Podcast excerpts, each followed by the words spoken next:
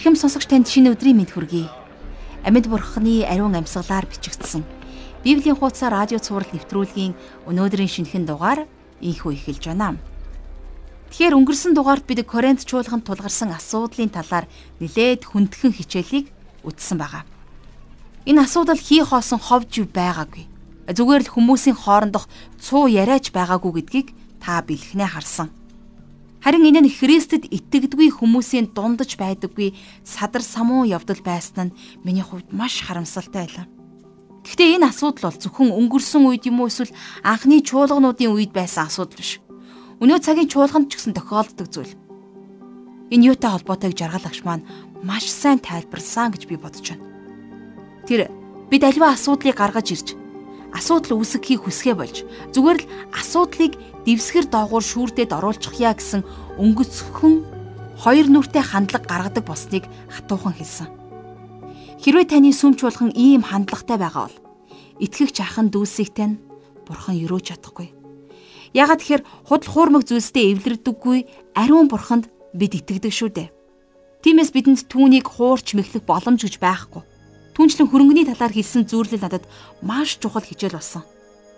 Ганцхан чимэх хөрөнгө сав дүүрэн гурлыг сагтал нь хөөлгөж чаддгийг бид бүгдээрээ сайн мэднэ. Тэгвэл хөрөнгө гэдэг бол хизээж сайн мэдээний бэлэг тэмдэг байгаагүй гэдгийг энд дахин сануулъя. Харин үргэлжил хорон муугийн үндэс байсан. Энд хэлэхэд байгаа хамгийн чухал зүйл бол чуулганд ч гэсэн ялгаагүй. Асуудлыг шийдвэрлэхгүй бол Иссэн гурил шиг л тийм зүйл болох болно. Тийм учраас бид хамтаа чуулганаасаа ийм зүйлийг цэвэрлэх нь маш чухал. Харин өнөөдрийн хичээлээр бид Илч Паулийн Коринт чуулганд илгээсэн 1-р цагтлын 6-р бүлгээс үргэлжлүүлэн суралцголно. Энэ бүлэгт итгэгчдийн дундах зарга, итгэгчдийн шүүх чадвар мөн итгэгчдийн бие бол ариун сүнсний сүм юма гэдгийг бид дэлгэрэнгүй суралцах болно. Ингээд хичээлдээ орхосоо мөн энэ цагийг бурхандаа даатгаж хамтдаа залбирцгаая. Өдөр бүр бидэнд үгээрээ хүч өгч тэнхрүүлж босгодог бурхан аав минь таньда талархаж байна. Таны үг сэтгэлээрээ хоосорсон нэгнийг дүүргэж үгээгүй ядууст хайраар хандахыг зааж сургадаг. Энэ мөчөд олон зүрхсэтгэл таны үгээр шинчлэгдэн сэргэгдэх болтугай.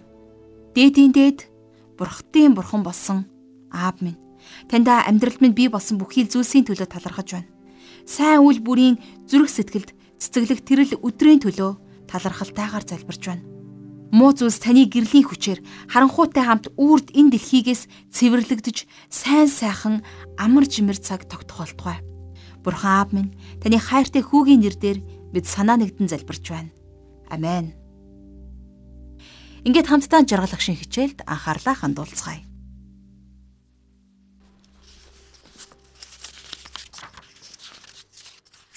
За тэгэхээр өнгөрсөн дугаар дээр бид бузар муутай эвлэрчсэн Коринтын чуулганыханд хандаж за Илч Паулийн бичсэн нилээд хатуу үгтэй загтлыг судалсан. За магадгүй энэхүү хэсэг танд нилээд хүн санагдсан байж болох юм. А гэхдээ хатуу үг амьдралд тустай гэдэг. За харин өнөөдөр судлах 6 дугаар бүлэг дээр бид нэр Христ итгэгчид болон тэдний улс оронтойгоо холбогдох харилцааны талаар авч үзэх гэж байна. Христэд итгэгч хүнийг хоёр иргэншилттэй хүн гэж ярьцгаадаг. За миний бодлоор бол энийг маш буруу тайлбарлсан тайлбар юм шиг байна. Паулийн Филиппо хотынд бичсэн загтлын 3 дугаар бүлгийн 20 дугаар эшлэлдэр харин бидний иргэний харьяалал тэнгэрт байгаа бөгөөд тэндээс бид аврагч эзэн Есүс Христийг хүлээж байна гэсэн байна. Тэгэхээр иргэний харьяалал гэдэг үгийг грек хэлээр полайд ума гэдэг байна. За энэ нь улс төр гэсэн утгыг илэрхийлдэг. Өөрөөр хэлэх юм бол бидний төр тэнгэрт байгаа. Тэндээс бид нэр аврагч эзэн Есүс Христийг хүлээж байна гэж хэлнэ гэсэн үг. Гэхдээ Бурхны тэнгэр дэх иргэний харьяалал нь Христэд итгэгчдийг улс төрийн хариуцлагаас нь чөлөөлдөг.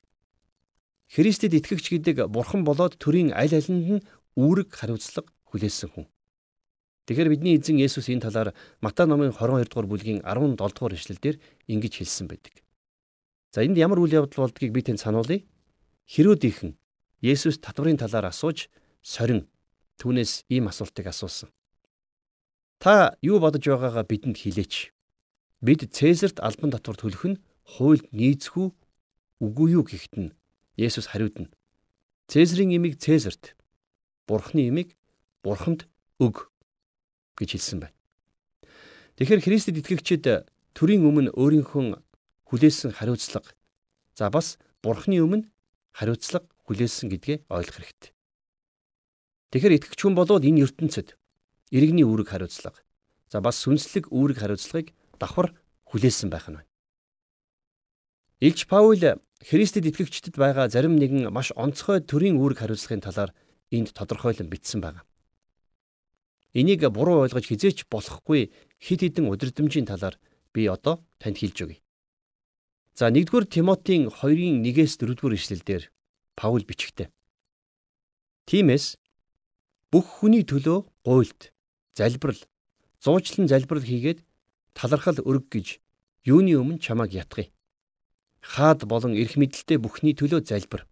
Тэгвэл бид итгэл сүсэгтэй бас хүндлэлтэй тогтун төвшин амьдрах болно. Энэ нь бидний аврагч Бурхны мэлмид сайн бөгөөд нийцтэй. Тэрээр бүх хүн аврагдаж үнний мэдлэгт ирээсэ гэж хүсдэгэ гэж бичсэн баг. Тэгэхээр улс орныхоо өмнө хүлээсэн та бидний үүрэг болвол эрх мэдлээ хүлээн зөвшөөрсөн амар тайван хуулиа дийдэлдэг нийгмийг цогцлоохын төлөө байх ёстой. Христэд итгэгчдийнхээ хувьд энэ яагаад тийм чухал юм бэ гэж та асууж болох юм. А тэгвэл сайн мэдээний үгнээс гарах нэгэн хариултыг би танд одоо өгмөр байна.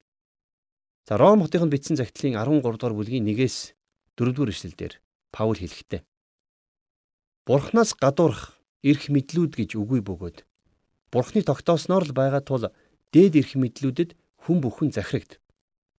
Тиймд эрх мэдлийг эсэргүүцэгч нь Бурхны тогтоолыг эсэргүүцсэн хэрэг. Эсэргүүцсэн хүмүүс нь өөрсөддөө шийтгэл хүртэх болно. Учир нь сайныг үйлдэхэд захирагч нар нь айдас болдоггүй харин мууг үйлдэхэд айдас болдог.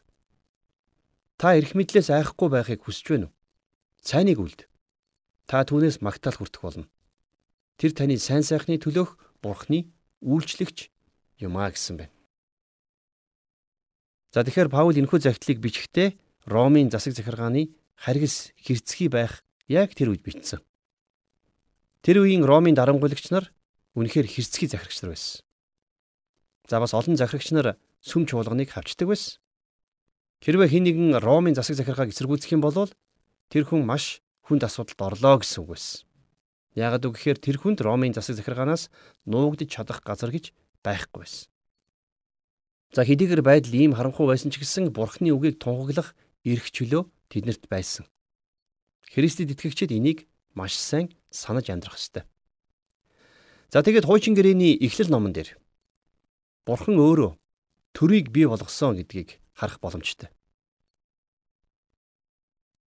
За эхлэл номын 9-р бүлгийн 6-р эшлэлдэр хүний цусыг хэн урсгана? Түүний цусыг хүн урсгана. Учир нь Бурхан өөрийн дүр төрхөөр хүнийг бүтээжээ гэсэн байна. Хүнлэг чанар болон сайн зан чанарыг сахин хадгалах үүднээс цаазаар авах ялыг хэрэгжүүлэх ёстой байна. Сүм төр хоёр тусдаа байдаг байсан. Сүм нь төрөө захирдгүй байсан. Нөгөөдөөгөр төр нь чуулганыг хянаж бурхныг оролдгүй байсан.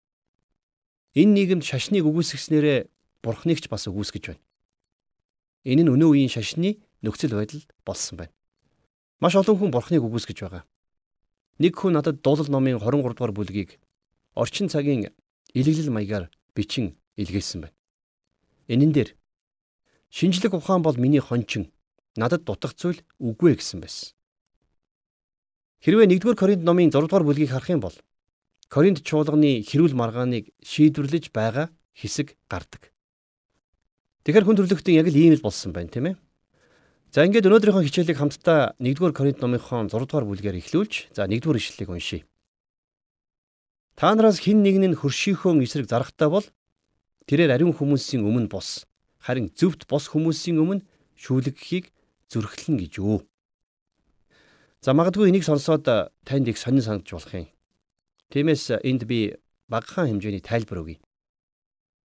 Паул Христэд итгэгчдийг шүүх рүү явж болохгүй гэж хэлээг. Хэрвээ Христэд итгэгчид хуулийн үр ашгийг хүртэж чадахгүй бол аврагдаагүй хүмүүсийн гарт маш их зовлон зүдгүүрийг амсах болно.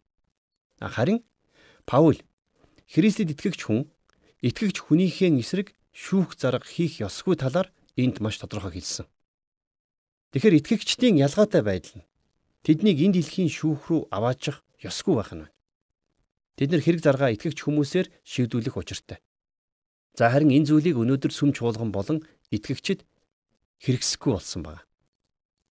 Тэгэхээр чуулганы тэмцэл үл итгэгчдийн өмнө буюу төрийн шүүхэд явагдах учиргүй. Христэд итгэгчдийн хувьд хүний ялгаатай байдлыг итгэгч хүмүүсээр шийдвэрлүүлэх ёстой. За нөгөөтэйгөр Христэд итгэгч хүн гэр бүлээ салгана гэдэг бол муу зүйл. Харин үл итгэгчдийн өмнө ирж энэ дэлхийн шүүхээр шүүлгэж өөрсдийн ялгаатай байдлаа хилцүүлнэ гэдэг бол тун ноцтой хэрэг юм. Христэд итгэгч хос ирээд зогсож чадахгүй байгаагаа хэлэхэд би тэднийг эвлэрүүлэх арга зам олж чадахгүй бол хууль ёсоор салахыг зөвлөдөг. Харин шүүхэд очихыг зөвлөдөг юм аа. Яагаад итгэгч хүн өөрийн хэрэгээ шийдвэрлэхээр аврагдаагүй ертөнцийн өмнө очих хэрэгтэй гэж.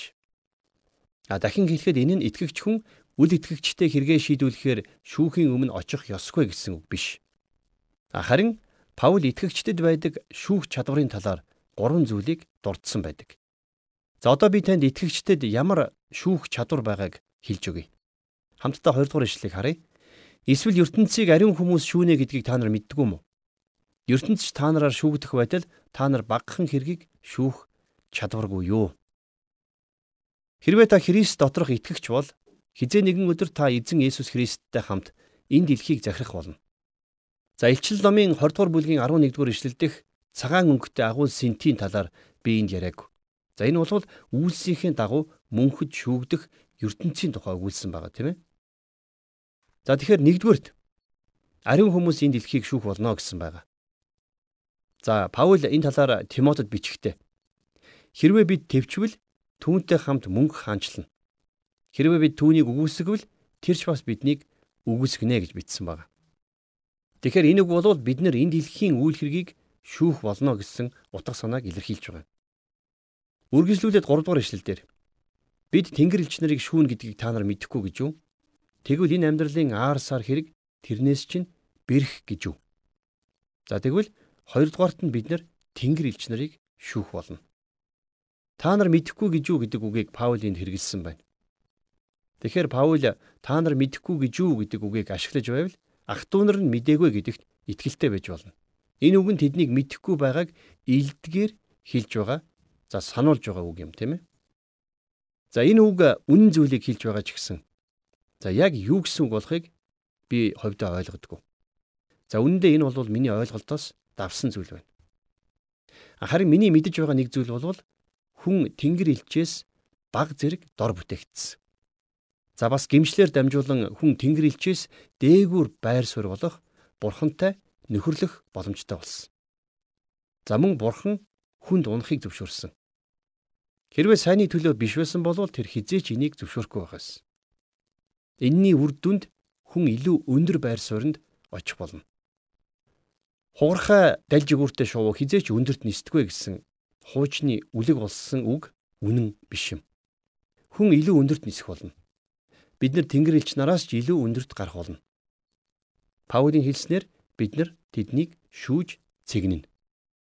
Тэгэхээр би дахин хэлмээр байна. Мэдээж энэ бол миний ойлголтоос давсан зүйл байна. За дараагийн 9-оос 10 дугаар эшлэлдэр зөвхт босчууд ер нь бурхны хаанчлалыг өвлөхгүйг та нар мэддгүй хэрэггүй. Бүү мэхлэгдэгтэн садарлагчдж, шүтэн шүтгчдж, завхаарэгчдж, янхан ирж, ижил хүйстэнтэйгээ нөхцөгчдөж, хулгайч нарч, шонолтнуудч, архичдч, хараалчдч, дээрэмчдч Бурхны хаанчлалыг өвлөхгүй гэсэн баг. За тэгэхээр 3 дугаарт зөвхт бус байдал Бурхны хаанчлалд байх боломжгүй гэж Паул хэлсэн байна. Тэгэхээр та одоо миний хэлэх үгийг маш анхааралтай сонсоорой. Яагаад гэвэл энэ их чухал. Энэ дэлхийн ямар ч шүүх сүнслэг шийдвэрийг гаргах чадваргүй.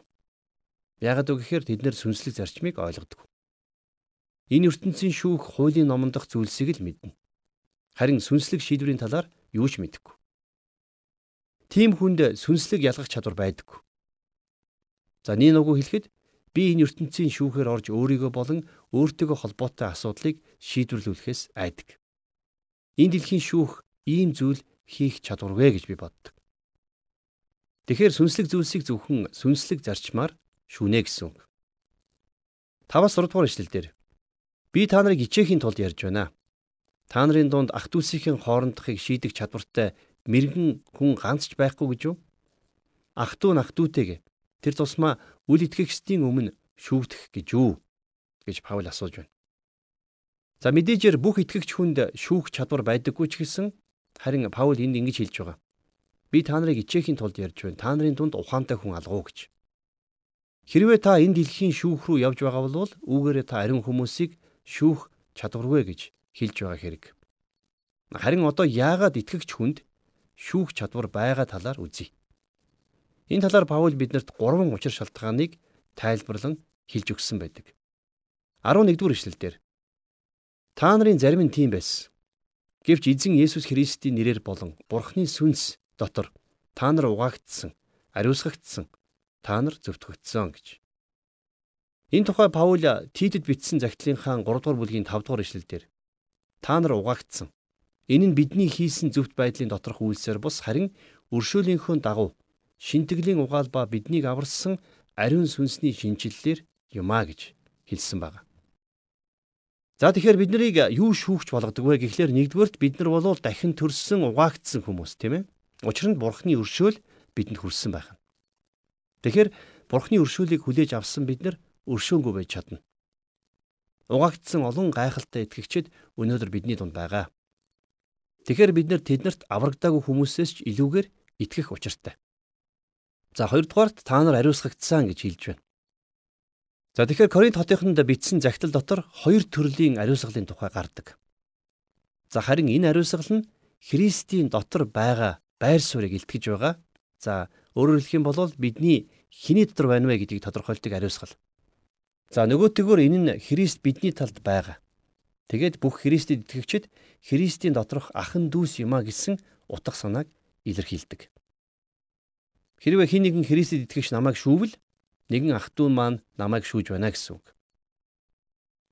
За нэгэн бяцхан охин өөрт нь хүнддэх нэгэн нялх дүүгээ тэрврээд годомжоор явж байсан байна. За ингэж явхад нь харсан нэг хүн тэр охиноос "Хөөе охин. Энэ нялх хүүхдийг өргөх нь чамд хүнд биш байна уу?" гэж асуухад "Тэр миний дүү. Тийм болохоор хүнд биш байна" гэж охин хариулсан байдаг.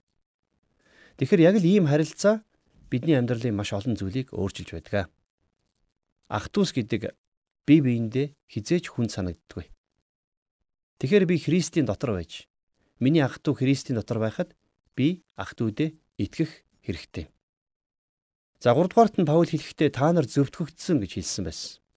Тэгэхээр миний ах トゥ уд шүүх чадвар байгаа гэдгийг илэрхийлэх 3 дахь учир шалтгаан бол миний бүх гим нүгэл уучлагдсан шиг түүний гим нүгэл нь аль хэдийнэ уучлагдсан. Тэгэхээр миний ах トゥ бурхны сэнтийн өмнө зөвд химэн зарлагдсан. За би ч мөн адил. Та ч мөн адил. Тэгвэл энэ талаар Ромын 8:33 дээр Паул бичгтээ. Хэн бурхны сонгосон хүмүүсийг буруудгах вэ? Бурхан бол зөвтгөгч нэгэн мөн гэж бичсэн байдаг болвол за Ромын 4:5 дээр Паул бичгтээ. Харин сүсэг бишрэлгүй хүнийг ч зөвтгдөг тэрээр үйлдэлгүй боловч өөрт нь итгэдэг нэгний итгэлийг нь зөвхт тооцдог юм а гэсэн байна. Тэгэхээр энийг мэдсэн Христ итгэгч найз нар маань ямар ч хүнээс илүү миний хэргийг шийдэж шүүж чадна гэж би боддог. За үргэлжлүүлээд хамтдаа итгэгчдийн бие бол ариун сүнсний сүм юм а гэсэн хэсгийг хамтдаа үздэцгээе. 12 дугаар эшлэлдэр Надад бүх юм зөвшөөрөгддөг гэсэн ч бүх юм тустай биш. Надад бүх юм зөвшөөрөгддөг гэсэн ч би юугаарч эзэмдүүлэхгүй гэсэн байна. Тэгэхээр итгэгч хүний хувьд хийж болох олон зүйл байгаа. А гэхдээ тэдгээр зүйлс тийм ч ашиг тустай зүйл байдаггүй. За эдгээр зүйлсээс би маш олон зүйлийг дурдж болох ч гэсэн Паул энд нэгийг дурдсан байгаа. 13 дугаар ишлэгийг харъя. Хоол нь ходоодонд, ходоод нь хоолнд зориулогджээ. Харин бурхан тэдний аль алийг нь өгөө болгоно. Би энэ садралт бус. Харин эзэнд зориулагддаг бол эзэн нь бие дажээ гэсэн байна. За Паул энд юу хэлж гэнэ үг гэхэлэр зэрэг хоол хизээ нэгэн өдөр үгүй болно. За бидний гидсчилсэн нэгэн цагт байхгүй болно. Юу ч идэж уулсан бидэнд Христийн эрх чөлөө байгаа гэж хэлсэн байна. За нөгөөтэйгөр бидний бие махбод садар самуунд зориулагдаагүй. Яагаад гэвэл бидний бие эзнийх юм. Үргэлжлүүлээд 14-өөс 15 дугаар ишлэлдэр эзнийг бурхан амьлуулсан төдийгүй биднийг ч бас өөрийн хүчээр амьлуулна. Бис чинь Христийн эргэтнүүд гэдгийг та нар мэдэхгүй гэж юу? Тэгвэл би Христийн эргэтнүүдийг авч тэдгэрийг янхны эргэтнүүд болгох уу? Огт үгүй гэсэн байна. Өнөөдөр олон олон залуучууд гэрлэхгүйгээр хамт амьдарч болно гэж боддог болсон байна. За бас нэгэн хос надтай уулзаад христчин үйлчлэл хийх хүсэлтэй байгаагаа хэллээ. Тэд нар гэрлээгөө хэрнээ хамт амьдардаг байна. Тийм учраас би тэднэрт та хоёр хурмаа хий гэж хэлсэн. Тэд нар яагаад гэж асуухад нь би тэднэрт яагаад гэвэл бурхан энийг тушаасан. Бурхан ийм байгаасаа гэж хүсдэг. Та хоёр гэрлэхээс нааш түүнд үйлчилж болохгүй гэж би хэлсэн. За үргэлжлүүлээд 16-аас 18 дугаар эшлэлдэр Янхантай нийлснийн түүнтэй нэг бий болно гэдгийг та нар мэдэхгүй юу? Учир нь хоёр нь нэг махбод болно гэсэн юм. Харин эзэнтэй нийлснийн түүнтэй нэг сүнс болоо. Садар самуунаас цугт хүний үйлддэг нүгэлбэр биеийнх нь гадна байдаг. Харин садарлагч нь өөрийнхөө биед нүгэл үлддэгэ. За эндээс харах юм бол итгэгч хүн садар самуун амьдралаар амьдрахын зэрэгцээ. За бас Христэд үйлчиж болохгүй гэдэг нь тодорхой байна. Харамсалтай нь хүмүүс садар самуун хүмүүсийг хүлээн зөвшөөрöd байгаа. Харин бурхан тийм хүмүүсийг хүлээн зөвшөөрдөг. За бид нар энэ бүлгийн хамгийн сүүлчийн 19-оос 20 дугаар ишлэлийг хамтдаа уншицгаая. Та нарын бие бол Бурханаас та нарт буй дотор ч байдаг ариун сүнсний сүм бөгөөд та нар ч өөрсдөө өөрсдийнх бус гэдгээ мэддгүй мө. Та нарыг үнтэйгээр худалдан авсан тул биеэрээ Бурхныг алдаршуул. За яг энд Паул олон итгэгчдийн ойлгодгүй нэгэн онцгой үннийг хэлж байгаа. Юу вэ гэхлээр бидний бие бол ариун сүнсний оршдог сүм дугна. Яагаад гэхлээр бидний бие биднийх биш харин бурхных болсон. Бид нэр өөрсдийн биеийг садар самуунтай хутгаж болохгүй. Энэ нь гэрлэлтийг ч гэсэн бас багтааж байгаа. Энэ талаар бид хамтдаа дараачийн хичээлээр илүү дэлгэрэнгүй үзэх болно.